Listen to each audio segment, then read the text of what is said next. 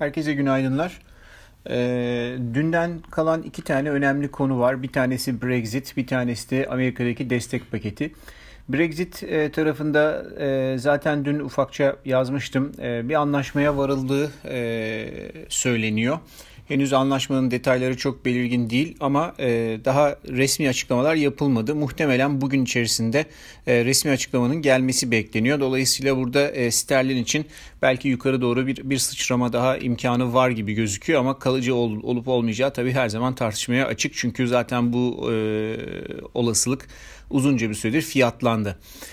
Dolayısıyla e, hem dolar endeksinin e, güçlü bir alım penceresinde olması itibariyle hem de e, verinin veya, veya gelişmenin e, sterlin tarafında fiyatlanmış olması nedeniyle e, gelecek ilk pozitif fiyatlamanın ardından e, sterlinde ufak short pozisyon denemeleri yapılabilir ama piyasanın stabilleşmesi lazım. Şimdi piyasa tabii e, tatiller nedeniyle biraz sığ, biraz daha sert ve vahşi hareketler görülebilir. O yüzden e, defansif kalmak ve hareketleri öncelikle izlemek lazım. Aceleci olmamak lazım.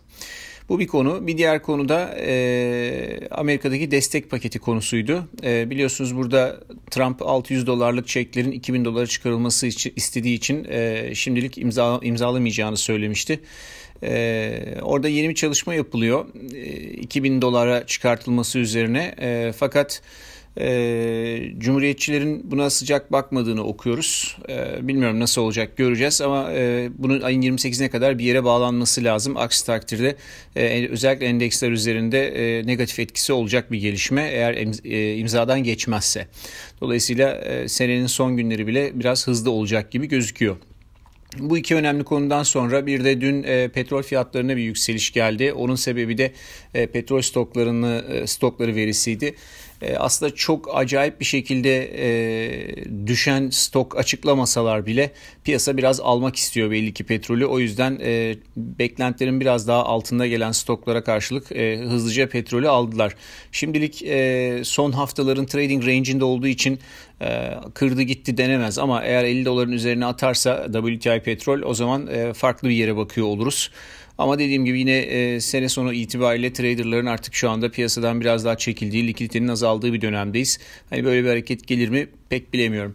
Son olarak da e, Ali Baba ile ilgili bir hareket var. E, Ali Baba'nın e, mon, anti yasasını e, deldiği gerekçesiyle Çin'de e, Ali Baba üzerinde ciddi bir araştırma, soruşturma açıldığı söyleniyor. E, bu nedenle Asya'da işlem gören hissesi e, ciddi satış yemiş vaziyette. Amerikan senasında da çok büyük olasılıkla bu e, oradaki ADR'ını da etkileyecektir elinde Ali Baba bulunduranlar varsa e, bunu bunu fark etmeleri lazım. Biraz bugün hırpalanacak o kağıt öyle gözüküyor. Onun haricinde pek başka bir şey yok zaten e, likidite çekildiği için hani çok analizi götürür tarafı da yok galiba piyasanın. Herkese iyi seanslar.